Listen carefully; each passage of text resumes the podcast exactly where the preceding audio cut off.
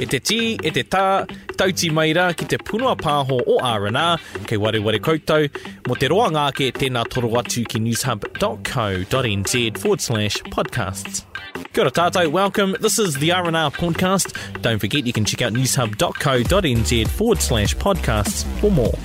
Ko te kai a te tangata he toto, ko te mana o te tangata he whenua, toi te kupu, toi te mana, toi te whenua, tihei mauriora. Ae, kia ora koutou. Ko Kaylee McNab ahau, ko Eru Paranahi tēnei, ngau mai ki RNA. Me tā tātou nei kaupapa e hāngai ana ki te Tiriti, what does the future look like now that we're approaching the end of treaty settlements? And here to have a korero about our kaupapa today is Iwi Chair for Ngāpuhi, Mere Mangu. And Chair of the Māori Council, Matthew Tūkake. Nau mai. Mō ngā take o te Tiriti, mō ngā kereme rānei, me pēhea anamata? Oh, māmā noa iho mō mātou o te kāinga o Ngāpuhi, horekau mātou i tuku i tō mātou rangatiratanga, kei reira tonu e ū ana, e kaha ana tō mātou tiaki i tērā, kei reira wō mātou ngākau, ā, koiana, Ā, Ngāpuhi e kaha nei ki te tū, ki te whawhai mō tōna tino rangatiratanga, kore rawa mātou e whakaae kia haere mātou mō tēnei kupu i te settlement, i te mea horekau mātou he, i, i roto i te reo Pākehā, we are not slaves in our own land and we are not tenants on our own piece of Paradise. Tau ki ehara koutou i ngā tau rekareka, nā reira. Kore rawa. Ina hea ērā whakaaro, nona hea ērā whakaaro? Mai rā anō, mai, mai rā anō, koia tēnā ko te tū o mātou, o te, wa mātou tūpuna, heke iho, heke iho, tū rangatira, kai rangatira, me pērā anō hoki ngā uri o tēnei wā. Kia hoki mātou ngā mea kua ngaro i roto i wēnei āhuatanga, E taea ana ngā wānanga ki te whakahaere kia hoki mai tērā wairua ki roto i tēnā, i tēnā o tātou o Ngāpuhi nei ki te tū rangatira, kōrero rangatira, kai rangatira, mau i a koe he rangatira, i te mea, koi ana wō tātou whakapapa. Koe tērā, ko te tū a Ngāpuhi e kore mātou e whakamuri, e huri whakamuri mai i tērā, ko takoto kei wā mātou tūpuna, tū rangatira, kia ūkiwa mātou rangatiratanga o te kāinga. I roto o Aotearoa puta noa. Ai, ai, Matthew, ai rānei, ka ora nei, a Pihi o Whakaaro. Music to my ears. I mean, here's the thing. I mean, if you have a look at the world of post-settlement today, um, what has really been achieved? Um, when you have a look at every social determinant, it's against our people. Um, so nothing much has changed there. When you have a look at our economic well-being, even though the Māori economy is apparently valued at more than $40 uh, billion, in all reality, we still have our people operating at the low uh, skill, low growth side of the economy. Uh, we are less likely to be able to own our own homes, even on our own land. Um, and more importantly, uh, we're still treated as second class citizens in our own country. And so when the settlement process came about, it was very much constructed by the Crown for us to try and fall within to settle grievances that were long and vast. And some of the settlements, quite frankly, um, have missed the mark, uh, particularly when you get into a discussion about the percentage of land that had been taken and the percentage of land that has now been returned through that process. Well, you heard why? How come it takes so long for that settlement to come in, and, and what are some of the discussions? Well, I think the first problem is we go from one three term government potentially to a new one every cycle.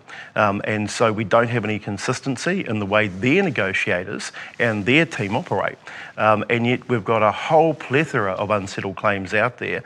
Uh, and I'll give you another example. Then we have local government tipping their noses in, including regional government, and no clearer is that in terms of Punny Punny Wharf on Matakana Island, where I'm from. Uh, that was meant to be returned years and years ago. Or the elms in, um, in Taronga Moana, uh, which has turned into a fight with some middle aged, whinging group of, of, of left siders um, who don't want to see anything settled. They think they have an inherent right to own. That's our land. Uh, and so this is not anymore a negotiation. It should be handed back, and it should be handed back in full and final. I won't use the word settlement, with no strings attached. Um, and, you know, I think we've, we've got to really shine a light on all the different things that have come about in the treaty settlement process that we still deal with today, including a Waitangi tribunal um, who have large kaupapa claims sitting before it as well, um, largely linked to the, uh, the, the denigration of Māori rights on their own land. uh, and uh, they're non-binding. So when the Waitangi Tribunal hands something down, yes, we all we all say that's a wonderful recommendation, and the government, ah, te me, te me, they, they ignore it. Ah, engari, engari mo mātou, mm. i tēnei tau ka kite tātou i a Andrew Little e tū mai ana, ka tuku mai wana kōrero i roto i te reo Māori, hāngai tonu yeah. ki, ngā, ki ngā whakatau a ngā tūpuna i roto i te whakaputanga. Nō reira, mm. Ka ū tana wana kōrero ki roto i taku ngākau, anei he tangata ko, ko mārama te, te, te hinengaro me ngā whakaaro ki ngā hiahia o, o Ngāpuhi. Koia nā, haere mai, haere mai, noho mai taku tēpu kia, kia, kia kōrero tahi tāua, anei ngā mea tika mā tāua, hei anga mua. Koia tērā ko tāku wawata iāianei, i te mea i puta mai tana wana Whakaaro wana reo i, i roto i te reo. Ae, e, e, ae, he mea nui tēnei uh, nō uh, te rā o Waitangi ai, i a ia tū ana, um, atu, i, i, uh, uh, atu i a ia e kōrero Māori ana, he, e, e ngako ētahi o ngā mea i puta i a, i, i a Anaru, i a Anaru iti me ki, ai, ko taua i ki ai uh, um, Whaea Mere. Nā reira, um, me tirotiro tātou ki, uh, o e tātou ki uh, te, te marama o Haratua, uh, ki te utua a te kāwanatanga 50 piriona tāra, ko te nuinga ki te ito o COVID-19. O roto o tēnā 900 miriona tāra ki ngāi Māori, ki ngā kōhanga reo, te hauora me kī. I guess the one thing I want to know is how is that going to affect Treaty 7?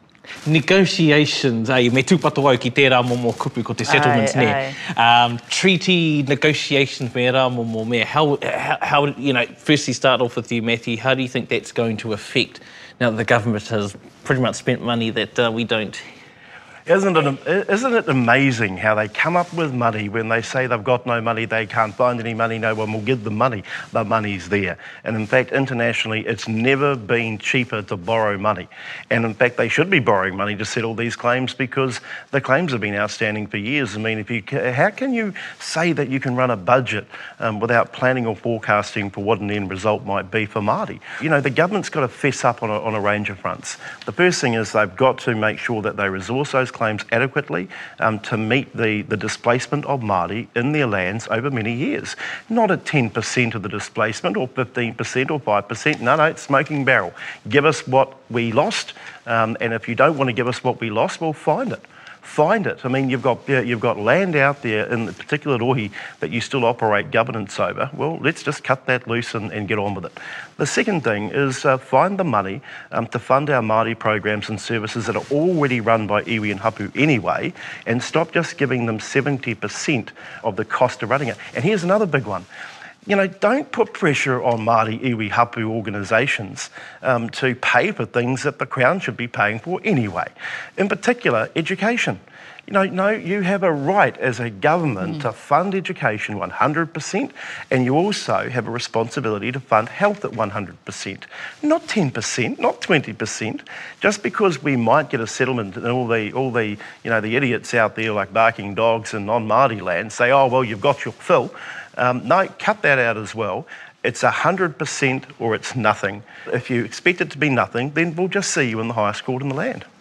I whakaae ana koe he aha rā? Ahe, tika wera kōrero āna. E, e rua ngā take ki au. Ā, i a ia nei ko kite atu te nui o te wāriu o ngā pākihi, ā, e te kāwanatanga me ngā, me ngā pūtea ko panga atu ki a rātou kia ora tonu ai. Ā, ko mōhio atu, ko kite atu i tō rātou wāriu, a tātou ko te, ko ta rātou, ā, ā, mārena i roto i te Tiriti kia tāua, Tika ana kia piki ake tō tāua wāriu iāianei, i te mea, ā, ka ū tonu au ki te kōrero a Ngāpuhi, kei a mātou anō tō mātou rangatiratanga. Nā, horekau anō mātou i tango i wērā, ā, i tērā huarahi e, mā te pūtea mātou e ārahi. Engari mā taua, mā waua Kōrero tuku iho rā, kei reira kē wō mātou ngākau. Engari, i roto i wēnei āhuatanga, e mōhio atu ana i te wāriu o tēnei mea e kōrerongia nei e tāua, e tātou, e, ko te pūtea. Nā, e pēnei ana tāku kōrero atu ki te Kāwana, We are, we as Ngāpuhi, we are very willing to accept an IOU. It can go down through the generations and it will be added to, just like any other loan from the bank. It will mm. have interest. Mm. And so, you know, those are the, the korero that our young people are going to pick up and carry on mm. and, and make, it, make it work for all of us because okay. in a mahi ma Māori, in a mahi ma Ngāpuhi, ko ora Aotearoa. Mm. Anei tētahi pātai e ngā korua for both of you. What do you say to those, though, who are out there saying, You've already been given all this money. There's plenty of time. Just settle. Let's get on with it and just move forward. Because to them, that's the only way that they see any of this moving forward well, to be frank, I call that dog whistling. Um, I, I, call that a focus on an ethnic group inherently owners of this land. We were the First Nations people, we remain the First Nations people, so show a little bit of respect. Yeah. Um, those arguments come from the, that, that right of New Zealand politics, and it's got to end. They have to accept that in order for us to move forward, these things do need to be settled, but in a way that provides the opportunity for moving forward. I know that private land is meant to be off the agenda. But when private land falls into the hands of a private owner, off the backs of our burnt Māori people in Farno who have been walked off that land, then yes, it should be up um, for discussion and conversation. And very much, this is a, an opportunity, I think, to be frank. I mean, I love the idea of an IOU. I would have just said invoice them. And if they don't pay the invoice, send them to the debt collector, send them to the Bay Corp like they send us. Um, but one of the things that, we're, we're, that I really realised out of COVID 19, particularly with the Rahui, is actually I think it is time that we had an honest discussion about constitutional reform. Um, and that also means the institutions that are there to govern us and also this treaty settlement process, which is old, it's archaic, it doesn't actually recognise what we know now as opposed to what we knew then. Um, and more importantly, it sets forth finally um, the role of Māori in this new Te Ao Māori world. Mm-hmm. Um, and it is a partnership. I, am okay with a partnership. Um, but a partnership means that one of us doesn't do all the governing and one of us just do, does all the working. And as for the, um, the, the, other stuff with Te Arapiti, I'll, I'll, throw that in now as well. I mean, there is this mythical bridge that is spoken about, um, that uh, oh. Māori have crossed this mythical bridge and, and, and now Pākehā, you know, you need to do more to cross and meet us somewhere in the middle. Actually, we've been crossing that so-called bridge for so long. I don't think there's a bridge anymore. I think the bridge has collapsed. It's, it's gone. Ah, oh, e tupuara he raupō kei mm. reira i aia e nei. Mm. Ina tū te raupō, pūhia mai e te hau, ko piko pēnei, pūhia mai e tērā hau, ko piko pērā, koia tērā o te āhuatanga i a ēnei. The bridge is gone. so we, we've got to satisfy that demand of our young people that they do want not just resolution, they want redress. They're not prepared to make uh, a, another a muck of it and, you know, for another generation or wait. Um, so what do we do as, as Māori leaders to further that aspiration as well? You know, we have a wonderful opportunity here. Absolutely. Post-COVID, mm. I think our, our um, one of our real focuses is to grow wealth. And mm. that will bring our rangatahi and our te tamariki up because they, the world's their oyster. Mm. And now they have the tools. Let's, let's put them to good use and mm. let's let them have that um, kōrero out there and, and foraging out there in that world to bring it back and change the attitudes of us at home so that we're not always in that grievance mode, we're not in that poverty mm. mode. Mm. We know we have to do something different, and that I think is going to make the change. You know, the, the opportunity is incredible. We can push the reset button. I mean, we know that unemployment is going to be relatively higher than the average population. We know where it's going to take hold. So, what opportunities and new jobs and industries can we create off the back of that? What can we do in this new age of digital spectrum, for example, to give rise to new roles and new jobs for our young people? Because, I mean, I'm not getting any younger. I mean, look at me, I'm middle aged, I'm overweight, I've got silver hair, I've got a missing front tooth. You know, my goal should be nothing more than to support support their rise and aspiration as opposed to me sitting on a table somewhere. I rongo kōrero um, i tētahi ōku hoa, me ki an analogy uh, that was given to me, tērā tētahi punua wai i whānakohia e uh, te kāwanatanga, nā wai, nā wai, ka whakahokia e rātou tētahi pākite me he wai. So, o kia kōrua, tīmata ki a koe Matthew, do you think we got ripped off with treaty settlements? I think there's just no doubt about it. I think there's no doubt about it because we bought into this construct um, that was more about being um, being told this is the the the, uh, the, ceiling of what we will give you. Um, it didn't match anywhere near what was taken. You were right. Swim, you know, we, we, we had the swimming pool taken. We got a bucket back. I don't think we even got the bucket. I, I don't. I, I, don't even think we, we we got a teaspoon of water back compared to what was what was taken. Because I've often had an idea that the reason why some iwi don't want to settle is because of the fact that we get the teaspoon back but it's impossible to turn it back into the swing pool for yep. many barriers as well. Um, he whakaaro o um, Mere, e pāna ki tērā momo kōrero. Ai, e haere ana, e hore kau a Ngāpuhi tuku i tōna rangatiratanga kia hau atu mātou ki roto i tēnei āhuatanga. Ahatia te kaha o te kāwanatanga, me wetahi anō mātou ki te whai huarahi kia anga pēnā atu mātou, horekau a Ngāpuhi whakaae. Engari i a ia nei, ko tae pea ki te wā, kua rerekē ngā whakaaro, ko mōhio te iwi whānui o Ngāpuhi me pēhea te mau i a rātou i a ia nei, me pēhea te tū, ā, i te mea, ko ū ki taua rangatiratanga rā, kua tae ki te wā, me tīmata ngā kōrero.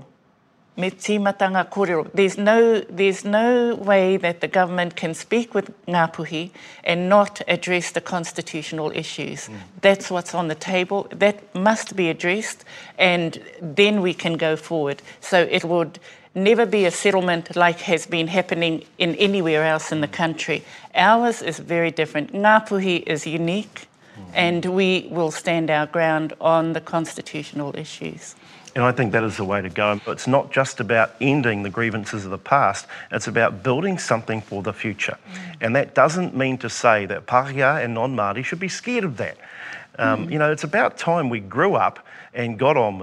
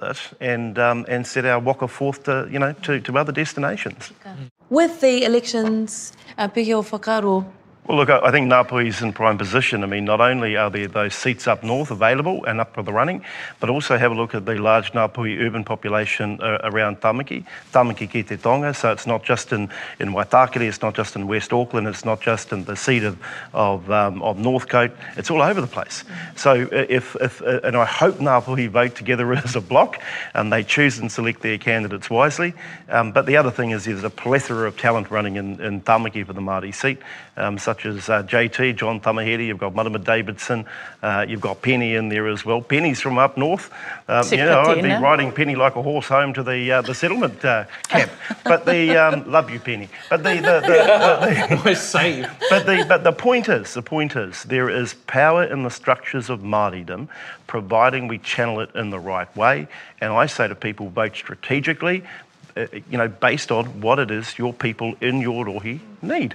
It's a very simple proposition, and the politicians should be listening to that. I mean, rather than speaking about opening a bubble to the Cook Islands, um, you know, how about we foster innovation up the Taitokere? Talk about the issues relevant mm. to local people. Don't muck around with whatever China's doing or Donald Trump or all this hoo-ha um, over in uh, over in Europe. That's right. They can start by delivering on education and connectivity mm. for a start.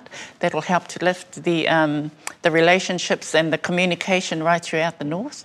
And on top of that, we can actually grow wealth mm. from the bottom up. We don't want them coming in telling us what to grow because our people actually have lots of ideas. Mm. They just need the um, the assistance just to get them up and going, and then we'll be fine. We'll be exporting, yeah. you know, across the world. That's right. you know, one of the things in the election I don't want to see emerge from our Māori MPs um, is that focus on what also the referendum issues are. You know, I don't want you to start talking about pot smoking and dying uh, prematurely, quite frankly. I want you to focus on the living right now, about our health needs, about our education needs, about fostering innovation in small business. I want you to uh, put your mast on the, uh, on the, or your flag on the mast in respect to ownership of fresh water. Uh, all of these different things uh, matter to people on the ground. I mean, you know, all these distractions that are out there just give them a smokescreen to talk about something else rather than how it all affects our lives. Yeah. And I think I think Ngapuhi are in a great space right now because it doesn't matter who of them gets into Parliament, they all whakapapa back to mm. mm. Ngapuhi. Mm. JT's children are from Ngapuhi, so that's mm. got to be a big factor. Mm. And um, in terms of delivery.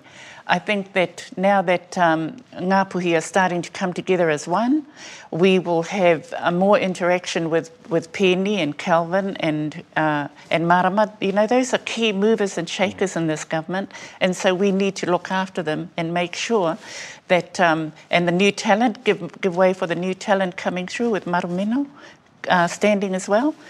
Um, so the world is our oyster as far as I can see yeah. from Ngāpuhi. And the, the one thing our whānau out there can do right now is make sure that they keep their little list of all the things that have been promised and to reiterate the promise which will be a covenant between that, that MP and what they've said they would do uh, and what they actually do. Because that's the important thing. We've got three. Look, essentially, in an election, you spend a year after being elected into government um, uh, just saying all the things that you were going to do anyway. Um, you spend the second year implementing them. You might not get to even 20% of them, but you'll, you'll start working on some things. And then in the third year, you're campaigning again. So we actually have a very small window to get anything done in this country. So it is about keeping that checklist, checking it twice. It's like Christmas. It's like the, the Māori Santa Claus coming to town um, and, uh, and making sure um, that uh, they do arrive with a present box when they said they would. Well, i kōrero, puta te kōrero a uh, Jacinda e pēna he raruraru wa tātou ki tana kāwanatanga, haere mai kōrerotia. Tēnā pea ko tae mai te wā a tēnei waitangi e haere mai nei, kia tū tātou ki te tuku i wērā kōrero ki a ia, pēhea te āhua Anga mua mō tātou te iwi Māori, mō Aotearoa katoa i te mea, kei a tātou tēnā mana ki te tuku i wērā kōrero a tērā wā. Me huihui tātou kata, kaua mea e ma ngā puhi nake ngā kōrero, engari ma tātou. I mean, there, there is a sacred covenant here. Um, you know, the Prime Minister stood up there at Waitangi, her first try out, and she said, hold my government to account. So the, the Santa checklist is, is but another step in that, that direction. And, and so the government should arrive back at Waitangi, but they should also arrive at other places uh, like Ratana and anywhere that Māori gather to, um, to not reset the covenant every three, every three years, but restate the work that needs to be done, the work that's yet to be done. And they have to focus their message on aspiration, hope, and opportunity. Um, we already know what the bad data is. We already know that we're doing it tough around a lot of social issues. Um, but, you know, if we don't focus our, our time and effort on those three pillars of where we go as a people, um, then we're constantly going to be trapped in grief. Mm. Hoi noko, tai mai tātou ki te tahi wā, uh, I puta mai tātou i tēnei āhuatanga mō wēnei marama e toru pea, ā, Tatania, ā, me te, me te whakaaro me whakarerekē ngā āhuatanga angamua. Ahatia ngā pākihi, ahatia te āhua tuku mai o ngā pūtea, ahatia te whakatika i ngā, i ngā hē o te ao, mai te Kāwanatanga, mai ua tātou anō whakaaro, mai ua tātou ngākau, me, me rerekē ta tātou titiro, āta whai, me, me aroha nui tetahi ki tetahi, i te mea koia ra ano wera ko nga, ko nga kupu tuku iho kia tatou, a, horekau e mea nei ma Ngapuhi anake, engari kei te tino pirangi matou mo wera ahuatanga, engari ko te mea ke a, a, kia kaha tatou ki te, ki nga korero a, a, a Matthew e korero nei e, kia, Āta titiro ki ngā kāwanatanga, ki ngā reo e mau ana i a tātou, pēnā e tika ana, pēnā e pono ana, tautokohia. Āe, koia tērā, kia angamu ai, kia, kia hiki ake tō tātou oranga, kei reira te ora mō tātou. Ahatia, kaua e wareware mō te wairuatanga rā hoki, Kei reira ana. Wai tika. I'm just going to say that the things in common between Ngāi Te Rangi and Ngā Puhi are so obvious to me, I think I'm looking for a house up in Tātokerau. Ah, kia maumahara o tāua whakapapa, te nuinga o wō whāea i anga mai ngā wāhine ātaahua ngā hanga i hanga